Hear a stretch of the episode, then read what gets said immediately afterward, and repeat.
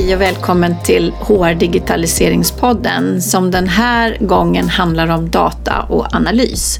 Och för att diskutera det så har jag bjudit in Katrin Augustsson från People Analytics.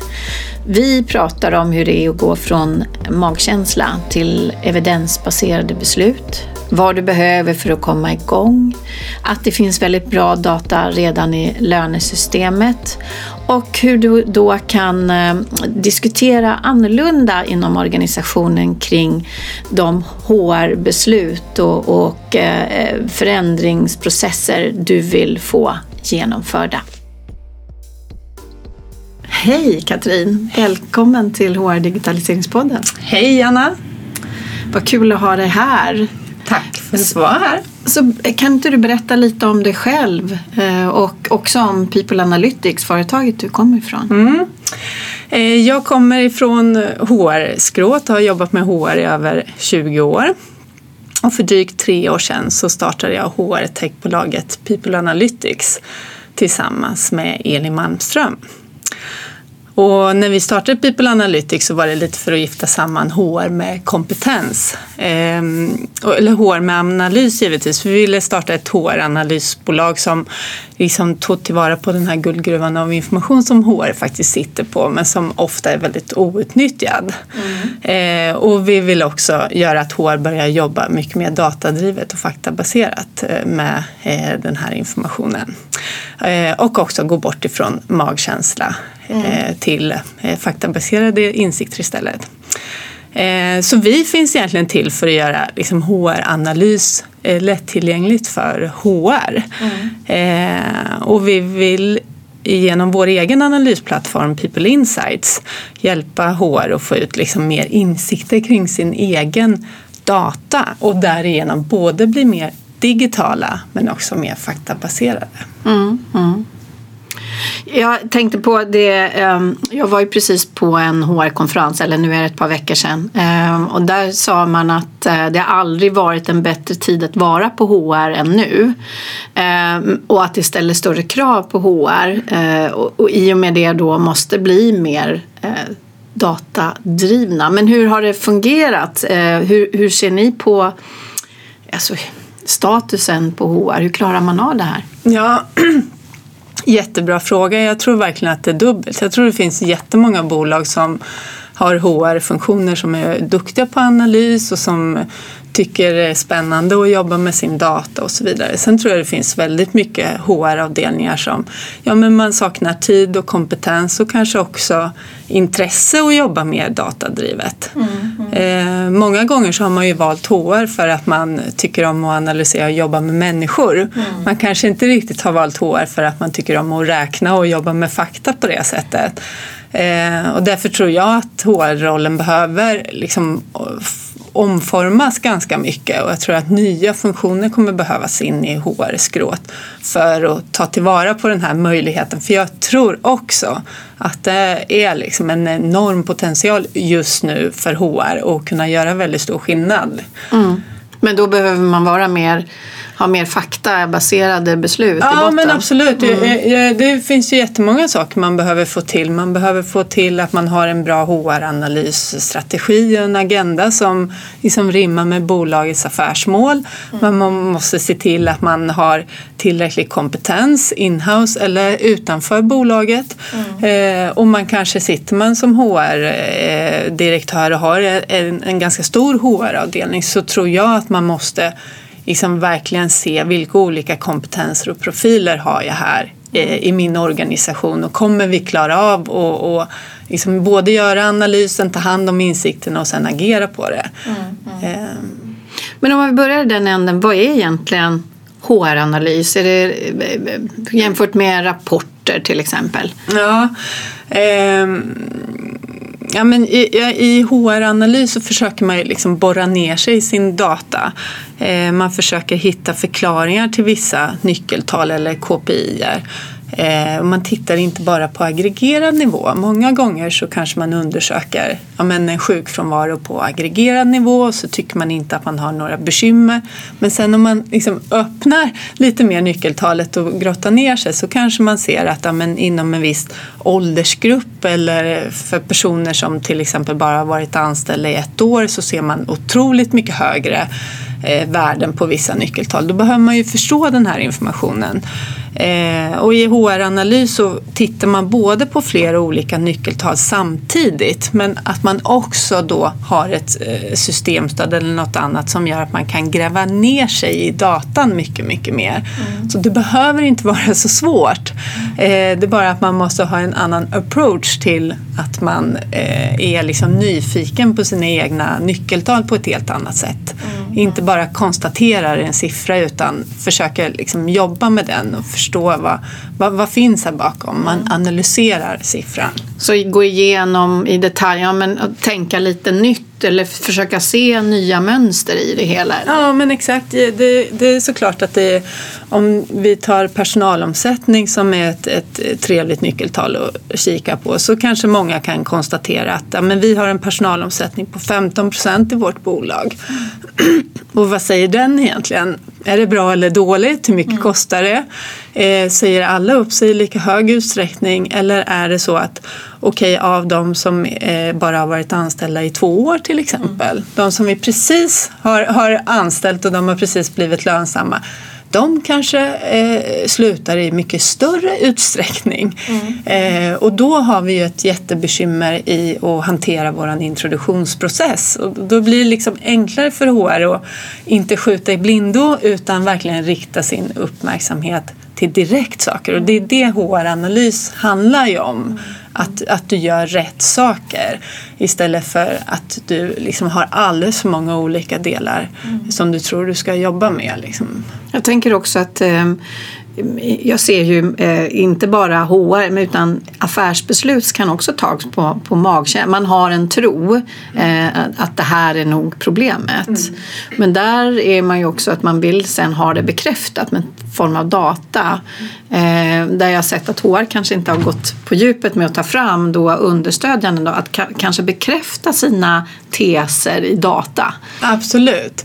Eh, man brukar ju säga så här att ja, men man ska gå från magkänsla och från intuition till fakta men någonstans så är ju intuitionen jätteviktig också. Mm. Mm. Det, du, du känner ju din organisation bäst, du har en, en känsla kring att här tror jag vi har en utmaning. Mm. Eh, du har en hypotes, eh, du går in och analyserar det och du får en insikt som du sen liksom på ett väldigt konkret sätt kan förklara för eh, dina kollegor. Mm.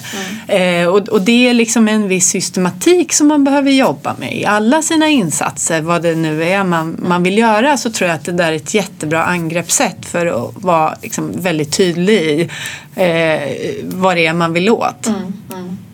Men hur, hur det, det, kan ju låta lite som att det är eh, ganska komplicerat eller man, man, behöver mycket data. Men hur kommer man, hur kommer man bäst igång? Mm.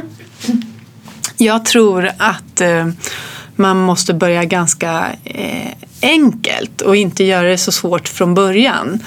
Eh, så har man inte en, en jättelång tradition av att mäta sina nyckeltal så behöver man kanske börja på det stadiet. Att man liksom sätter upp en vettig nyckeltalsrapportering mm. som då egentligen tittar på historisk data och, och, kanske inte alltid är så intressant men om man då ser till att man försöker borra ner sig i datan lite mer, eh, jobba med insikterna och fokusera på färre nyckeltal men göra dem riktigt bra. Mm. Att du kan liksom redogöra för för hur ser till exempel eh, vår sjukfrånvaro ut. Att du kan liksom beskriva, ta temperaturen på sjukfrånvaron och, och, och visualisera och beskriva dina insikter.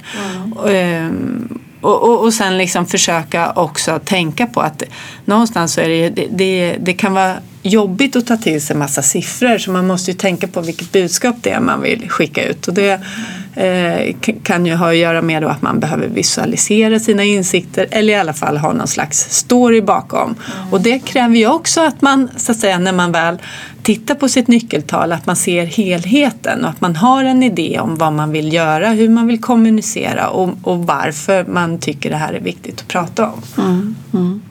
Så vilka nyckeltal är ganska enkla att jobba med och vilka vilka andra, ja, lite kring nyckeltal då generellt, vad, mm. vad kan man hitta mer?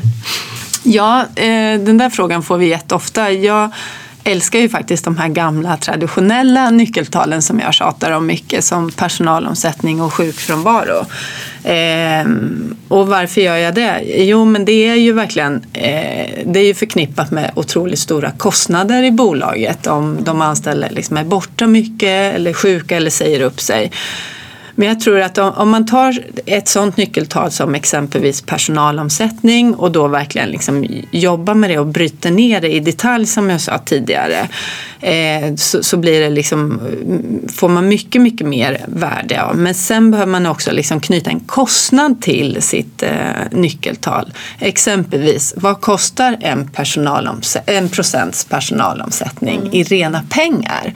Mm. Och kan vi då påvisa värdet av att jag tror att jag med en viss insats här i ledarskapet kan sänka personalomsättningen med 1 procent så kommer jag spara så här mycket pengar på bottom line så att säga. Eh, så, så, att jag tror man ska ta de här traditionella gamla nyckeltalen för de är viktiga och de mäter man oftast idag redan delvis. Eh, men sen att man har eh, liksom bryter ner dem och sätter en kostnad till dem. Eh, sen så eh, brukar vi slå ett slag för intern rörlighet som, som många pratar om men det är få som egentligen mäter det. Mm. och och det är, blir ju direkt en konkurrensfördel om du är liksom bättre på att lyckas hålla kvar dina medarbetare i organisationen givetvis istället för att du tappar dem. Eh, och eh, om du liksom vid rekryteringstillfället kan säga till en kandidat att ja, men vi jobbar jättemycket med intern rörlighet och hos oss så byter man i snitt eh, roll eller befattning var tredje år. Vi följer upp det regelbundet och alla chefer har det som, eh, som mål i sina bonusplaner. Mm. Så blir det liksom ett otroligt så här, stor bäring i rekryteringsögonblicket istället för att man eh, vanligtvis kanske bara säger att ja, men vi är duktiga på kompetensutveckling. Mm. Det säger liksom alla bolag men om du kan konkretisera och sen mm. vara väldigt tydlig med det så, så det behöver inte vara så svårt. Det är bara att skruva på dem lite.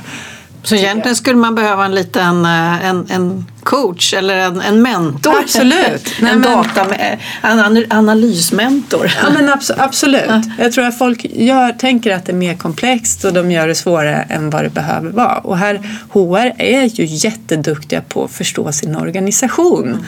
Eh, och det, det måste de liksom ha självförtroende i att de kan prata om sin organisation. De behöver ha hjälp med kanske beräkningarna och, och liksom förstå vad, är det, vad det är de ska göra. Men sen så resten klarar de av alldeles utmärkt. Ja, för jag tänker att eh, om inte HR tar tag i och tittar på sina och jobbar med det här typen av datadrivna eh, beslutsfattande och underlaget så kanske någon annan börjar göra det och då tappar man ju hela den kompetens som HR har kring individen, alltså de här mänskliga faktorerna som ligger bakom och mm. förändringarna man vill göra. Då kanske mm. man kan dra, då kanske någon annan sitter och drar andra ja, slutsatser. Ja. Jag tror både marknad och finance kommer börja flytta fram positionerna och liksom öppna HR-dörren. Ja. För att det, det är ju roligare att analysera människor än produkter, tror jag de flesta av oss egentligen tycker. Ja. Har du någon aning om vad vad en, en, eh, en, det här sjukfrånvaro eller tappade medarbetare, vad det kostar. Vet du det? Du som har jobbat med många olika, finns det några sådana här värden eller är det helt omöjligt? Ja, nej, men vi räknar ju på sådana schabloner jätteofta och det beror ju givetvis på eh, hur, hur, stor, hur många anställda du har. Men jag menar, vi pratar ju miljoner oftast. Eh, för en procents personalomsättning kostar ju väldigt mycket pengar. Mm. Och likaså sjukfrånvaro. Så att, men det är ju många olika parametrar att räkna på. Eh, man behöver ha någon som är eh, in och tar över vissa arbetsuppgifter om man är borta etc. etc. Mm. Men det, det, det där brukar vi liksom räkna på. Då märker man ju att det våra kunder baxnar ju nästan när man kommer fram till den siffran gemensamt och det brukar mm. vi säga kan vara en superbra övning att göra tillsammans med sin ledningsgrupp. Mm. Att man gemensamt, okej okay, vad kostar faktiskt eh, personalomsättningen hos oss om vi räknar på det sättet som vi tycker känns okej. Okay. Mm. Så får man ändå otroligt höga siffror så det, det är ju liksom stora kostnader förenat med att, att ha en för, för hög personalomsättning. Och då tänker jag vilka, vad det skulle ge utrymme för i åtgärder som man skulle kunna Exakt. utföra från HR. Exakt. Bara genom att, att göra de här små justeringarna. Mm. Visst. Superspännande. Men ja. hur mycket, vad är det för typ av system du behöver för att kunna börja göra en analys? Mm. Vad, vad, vad, vad, behöver du? Ja, eh, ja Viss, ibland så duger Excel alldeles utmärkt. Excel är fantastiskt och du kan ju oftast bara ner i din data mm. eh, genom Excel. Sen är det ju så att lönesystemet, alla, alla organisationer betalar ut lön till sina anställda. Man kanske inte har ett HR-system men man har ett lönesystem. Det som är bra med lönesystemet är att det oftast är ganska korrekt. För människor vill ha sin, sin lön i alla fall. Mm. Säger till om det blir fel. Eh, och i lönesystemet så finns det också massa basdata som är superintressant. Vilket kön du har, när du anställdes, hur gammal du är etc. I vilken ort du jobbar på. Eh, så själva lönesystemet är liksom en superbra eh, grund för att börja analysera. Och därifrån så kan man ju göra väldigt mycket spännande analyser i Excel. Mm. Sen så finns det ju mycket mer analysverktyg som man kan jobba med. Vi har vår egen analysplattform där vi liksom kombinerar olika datakällor och liksom slår ihop dem. Mm. Men man kan också jobba med liksom business intelligence-system. Det kanske är någon på finance som sitter på något roligt analyssystem som man kan använda sig av. Och ibland så behövs det ju också mer statistiska modeller och beräkningar för att göra några av de analyserna som man kanske vill och då behöver man kroka arm med någon statistiker eller en data scientist. Mm. Hur fungerar de eh, i de olika HCM-system som finns på marknaden? De har ju också oftast mm. Eh, verktyg där i. Har ni mm. provat att använda dem någonting? Nej, men jag tror att många av dem är jätte, jättebra. Mm. Ehm, det är ju i och med digitaliseringen så är det klart att alla, alla lönesystem och HR-system håller ju på att utveckla sig jättemycket nu givetvis. Mm. Eh, sen är det ju så att jag tror att det finns inte ett system som kommer kunna ge dig alla dina insikter. Det här one size fits all, eh, det, det, det, tror inte jag på utan jag tror att HR behöver liksom, eh, kunna ta fram sin egen, som man säger, så här, tech stack där mm. man har olika typer av system. Kanske ett rekryteringssystem, eh, någonting för surveys, någon annan för vad gäller medarbetarindex, ledarskapsindex och kanske något annat för just analys. Mm. Så jag tror att man behöver vara liksom snabbfotad med att, köpa in system som kan prata med varandra och som kan jobba med varandra. Jag tror, att, jag tror inte att man ska tro att eh, bara för man har ett HR-system så Eh, får man de nyckeltalen man vill. Så enkelt Utan är man, det. behöver, man pratar nu eh, när jag iväg, var iväg på den här konferensen, jag relaterar mycket nu men jag mm. blev så inspirerad där. Mm. Där pratar man att man minst måste ha 20-30 procent av sina systemlösningar måste man ha eh, från andra ja. än sin liksom, huvudleverantör ja. av sitt ja. HCM-system. Utan det fungerar inte. Nej. Nej. Men du, eh, nu har vi pratat om analys. Eh, prediktiv analys mm. pratar man ju också om. Det är ju en annan nivå. Eh, och, och, ibland tänker jag att det hänger också ihop med artificiell intelligens faktiskt. Ja. Att det, de ligger lite nära varandra. Eh, vad, vad är skillnaden på olika analyser? Um, om vi pratar just prediktiv analys ja. uh, så handlar det ju om att man försöker förstå framtiden med hjälp av historisk data. Mm. Uh, det är ju jättespännande och där kommer ju den här nya tekniken in och nya analysmetoder. Att man helt plötsligt nu kan uh, ta till sig den här big data eller stora datamängder och analysera den och se mönster och samband. Och genom då väldigt mycket statistik så kan man ju räkna på och prediktera hur till exempel eh, vissa saker kommer bli innan det eh, sker. Exempelvis så är en av de vanligaste prediktiva analyserna är high flight score där man räknar på hur stor är sannolikheten att du kommer sluta. Mm. Eh, och eh, om vi då vet att ja, men det är väldigt hög sannolikhet att Anna kommer lämna bolaget här då kan jag som HR-chef så att säga försöka eh, ta hand om dig innan det händer och mm. försöka säkra upp dig. Eh, och, och, och, det är klart att om man till exempel skulle kunna eh, ha en annan hypotes kring att eh, exempelvis gott ledarskapsindex påverkar pos eh, personalomsättning positivt så skulle man ju också kunna förutsäga om till exempel ett ledarskapsindex som är 30 procent lägre än, än snittet kommer öka personalomsättningen med 50 procent inom en viss grupp. Så kan man då på förhand förstå mm vilken chef som troligtvis kommer generera en högre personalomsättning så det är också jättevärdefull information. Där man kan sätta in åtgärder Exakt. för att lyfta och stödja den chefen Exakt. i olika... Ja. Mm. Och många av de här stora amerikanska bolagen de jobbar ju jättemycket med just high flight score och, och liksom prediktion.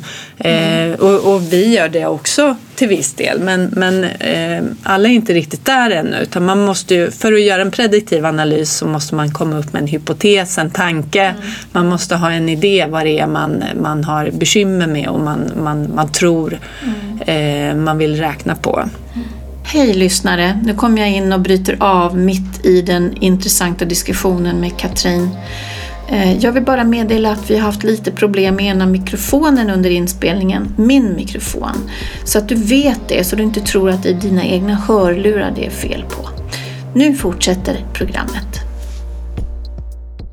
Jag tänker eh, då det handlar om lite mognadsgrad så man måste på något sätt eh, ta olika steg mm. som organisation då och kanske knyta till sig nya resurser. Men vad är, vad är, vilken, behöver, hur stora behöver man vara för att kunna dra nytta av sin data? Ja, eh, inte jättestora. Jag, jag, tycker att man kan vara liksom redan upp mot 200 eh, anställda så kan man göra jättemycket med sina nyckeltal. Mm. Men däremot så kanske man inte kan analysera vissa nyckeltal varje månad för det händer inte så mycket. Mm. Mm. Eh, alternativt att det händer jättemycket en månad men den mm. månaden är, är, inte som de flesta andra. Eh, så att, jag tycker inte det spelar någon roll men givetvis är det ju lättare för stora organisationer. Samtidigt så finns det en fördel med att vara lite mindre för då är du ju också lite snabbare på att analysera och du mm. kan och förstår din organisation och du kanske är bättre på att leta fram hypoteser snabbt. Liksom. Mm. Men ser man skillnader på alltså frånvaro och sånt? Det kan mm. man se skillnad på om man är i olika länder eller mm. olika, alltså man har men det tänker jag att det gör man ju till exempel på medarbetarundersökningsdata mm. om hur man svarar. Så Exakt, att det är kulturellt betingat. Ja, ja, precis. Man måste ha väldigt mycket kompetens ja. från HR-sidan ja. för att kunna göra Absolut. analyser. Jag tror att man, man många gånger har, det, har den kompetensen. Sen tror jag att det finns, finns ju jättemycket forskning som kan understödja liksom, nyckeltalen ibland. Mm. Att man vet till exempel att ledarskap påverkar hur man trivs på jobbet. Och då är det klart, trivs man bra så tenderar man att stanna kvar. Liksom.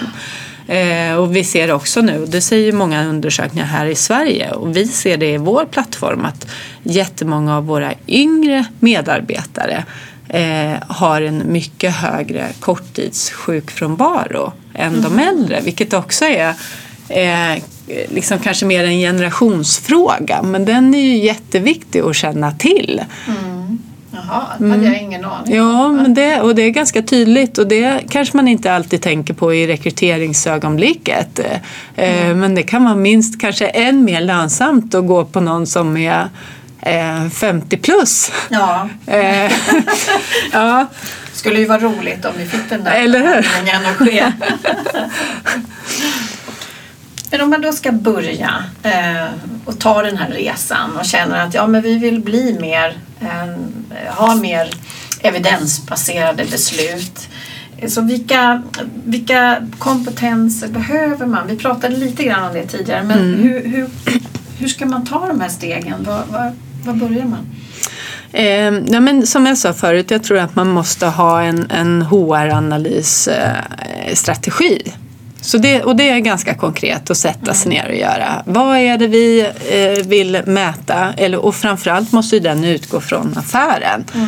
Vad har bolaget för strategier på kort och lång sikt? Är det så att man eh, lever i en konkurrensutsatt värld? Behöver man, kommer man ha ett fokus på eh, anställa nya människor? Kommer det vara produktutveckling? Etc. etc. Därifrån måste en HR-strategi utgå ifrån och den givetvis hänger ihop med hela HR-agendan. Mm. Så HR-agendan och HR-analysagendan är ju verkligen sammanflätade med mm. varandra.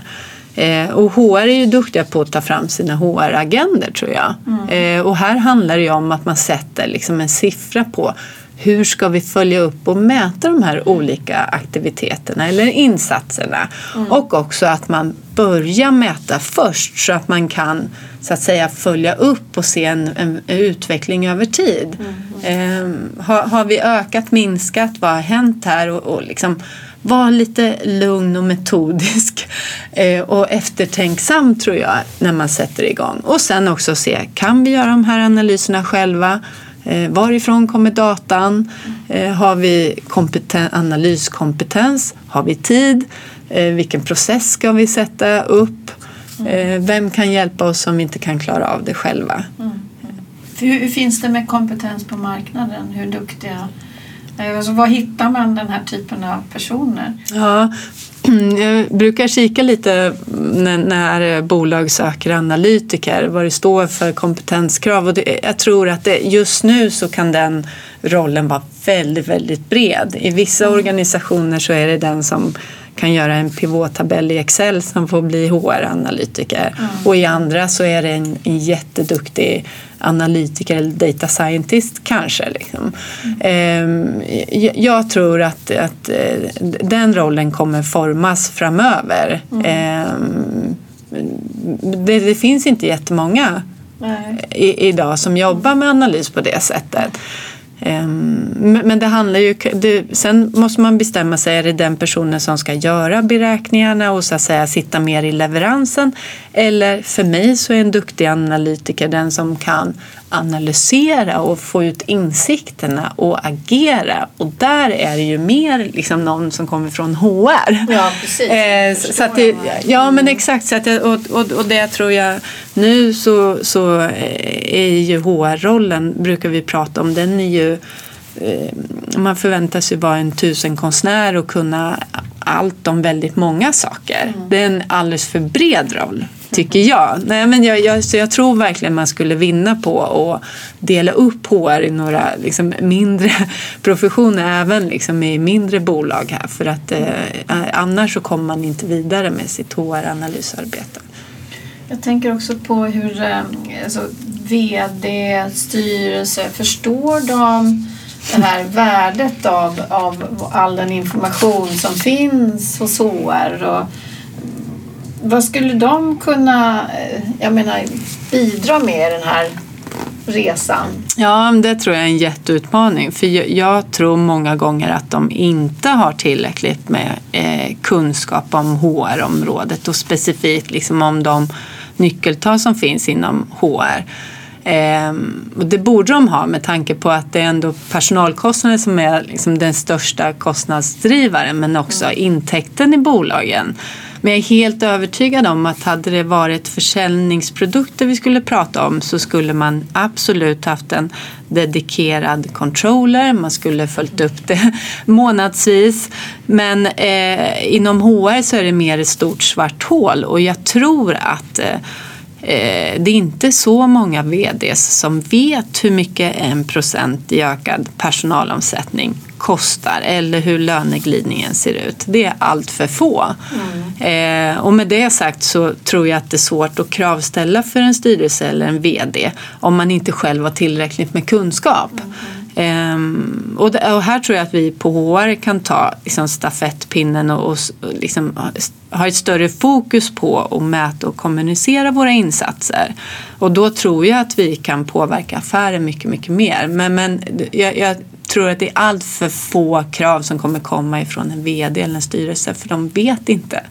Nej, jag tror faktiskt fortfarande, vilket är skrämmande, men när jag är ute och jobbar och träffar olika, olika människor i alla olika nivåer på företagen så är det fortfarande så att när man ställer frågan vad gör HR mm. så är det lön. Ja, alltså, exakt. Alltså det är tyvärr så att man inte förstår all den kompetens, mm. den djupa kompetens om mänskligt beteende mm. och förändringsarbete mm. som finns där. Som man använder inte den potentialen. Och varför förstår de inte det här? Det är för att HR inte lyckas prata eh, på deras språk. Sen om det är det rätta språket, det, det lägger jag mig inte i egentligen. Men, men jag, jag, tror att här måste man ju vara lite street smart och kommer man inte fram i sin organisation, ja men då får man liksom byta strategi. Mm. Mm. Och, och det är därför HR-analys eh, tror jag är som, som potential och verkligen eh, att HR får den respekt som man förtjänar mm. i organisationer. Eh, för, för, att medarbetare är det, är det som är make it or break it i jättemånga organisationer och det finns en sån potential i att bygga en bra organisation genom ett bra HR-analysarbete. För jag tänker det, jag jobbar mycket med, med den här typen av att införa och titta på nya digitala lösningar mm. och oftast har man väldigt dåligt med underlag. Hur ska vi kunna bevisa att det här behövs? Att det är viktigt att kunna veta vilka vilka ledarskaps, eh, vilka ledare som inte riktigt fungerar eller var mm. förflyttningen och karriärutveckling och så vidare. Det går inte att sätta någon peng på. Nej, exakt. Det är väldigt, väldigt svårt. Ja. Då stoppas så att säga utvecklingen av den strategiska HR ja, av. Exakt. Ja. Men du kan ju sätta pengar på det om, om du gör rätt. Jag får ringa dig. Ja, nej, men det är det liksom att, att det, det kan man ju. Eh, Eh, sen så tror jag, kan väl tillägga att HR fastnar ju oftast i, eh, i, detaljer och man, man jag tror att man har lite, kanske inte tillräckligt med självförtroende ibland att prata om sina siffror och man är rädd för att bli nedskjuten och ifrågasatt. Mm. Och så tycker man det är jättejobbigt om man har en FTE-siffra på 658 och Finance hade på 662. Eh, och sen så vågar man inte prata om det. Och, och, visst, det är väl bra om de är samma men jag bryr mig inte ett dugg om de är samma eller inte. Det viktiga är ju, ökar ni antalet FTE? Vad kostar det och har ni tagit höjd för det? Eh, här ser jag en utmaning att vi, vi liksom kommer vara 200 personer extra här framöver och det behöver vi titta på utifrån de här perspektiven. Det är sådana frågor som HR måste kunna eh, dra liksom analysen ett steg vidare hela tiden. Det är det det handlar om. Mm. Och då borde ju egentligen HR sitta närmare finance då. Ja. Och kunna lära sig det här och få lite av språket. Absolut. Faktiskt så var det intressant. Jag lyssnade på vad heter han, Dave Ulrich mm. blev intervjuad på en podcast mm. förstås. Och då pratade de om att de hade tittat på profiler på VD-profiler mm. och sett vilken roll är närmast. Ja. Och det var ju HR, CHRO som var närmast CEO ja, helt enkelt. I profilen. Ja. Och det enda som man då behövde jobba med oftast för att kunna förflytta sig och ta VD-jobbet ja. det var lite på finans. Ja. Men exakt. Ja, men absolut. Så man, har, man letar efter de kvaliteter som HR-chefen har. Ja. ja. Det... Nej, men, men, nej, men visst. Och sen, det, det är ju en fantastisk funktion. Ja. Och ju mer, och jag tänker också på kring AI och hur mycket det kommer att mm. att ta bort de här traditionella Ex rollerna. Exakt, eh, exakt. Och då blir ju ännu mer det mänskliga det viktiga. Mm. Mm. Är det någonting som, för jag tänker att analys och AI ligger ganska nära varandra. Mm. Ibland så är det faktiskt det man tror är artificiell intelligens. Det kanske är en avancerad analys. Igen. Ja, ja. Eh, jag menar AI är ju liksom en del i all avancerad analys och även i automatiserade system. Mm. Alltså AI är ingenting som lever vid sidan av på något sätt Nej. och det är ju, liksom, det är ju vi som har Eh, varit tillräckligt vass att kunna programmera ett system och göra någonting som den inte kunde göra förut. Så att, eh, det, det, jag tycker inte det är så konstigt men, men däremot så ser man ju väldigt stora utvecklingar inom till exempel bara lönesystemen framöver som kommer kunna göra väldigt mycket av den här analysen helt själva. Mm. Och det är ju superhäftigt givetvis. Men, men det är ju det är vi som programmerar dem och lär dem till att och eh, kunna göra det här. Så att jag, jag, tycker att det där är ju jättespännande såklart. Liksom. Så lönesystemet säger hallå, hallå, här ligger det en obalans. Ja, ja men så är det ju. Exakt, men så kommer det ju vara. Liksom.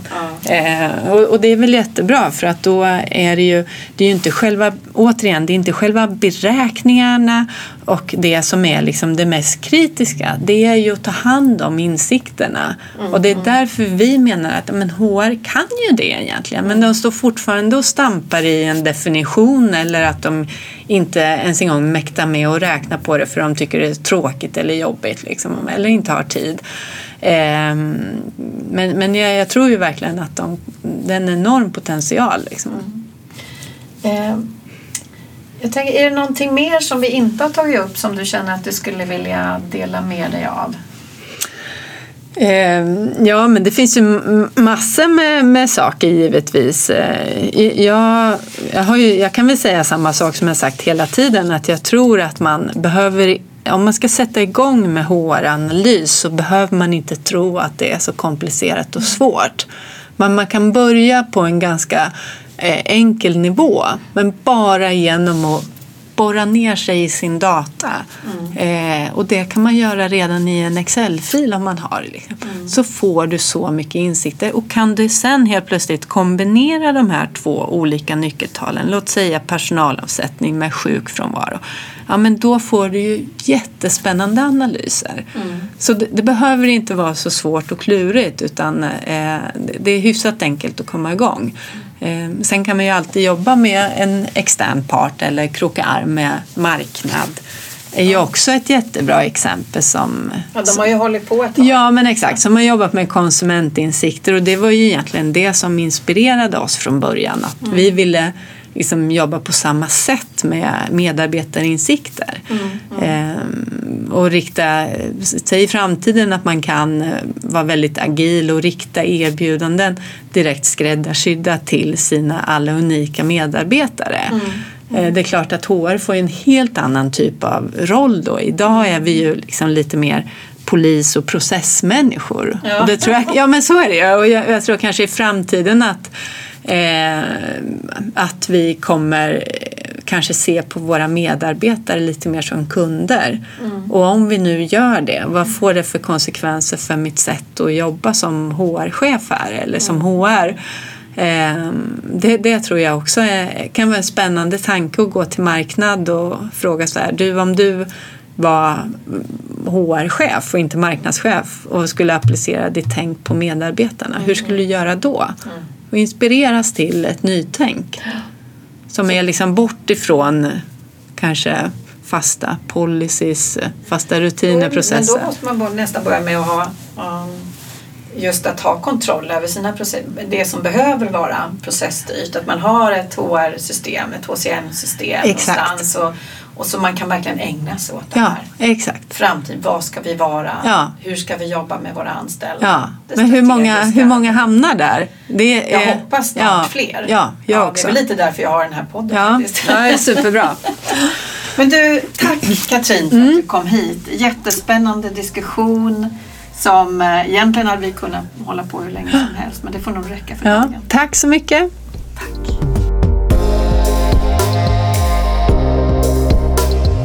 Tack för att du lyssnade på det här avsnittet av HR Digitaliseringspodden. Jag som driver podden heter Anna Karlsson och till vardags så är jag konsult på området HR Digitalisering.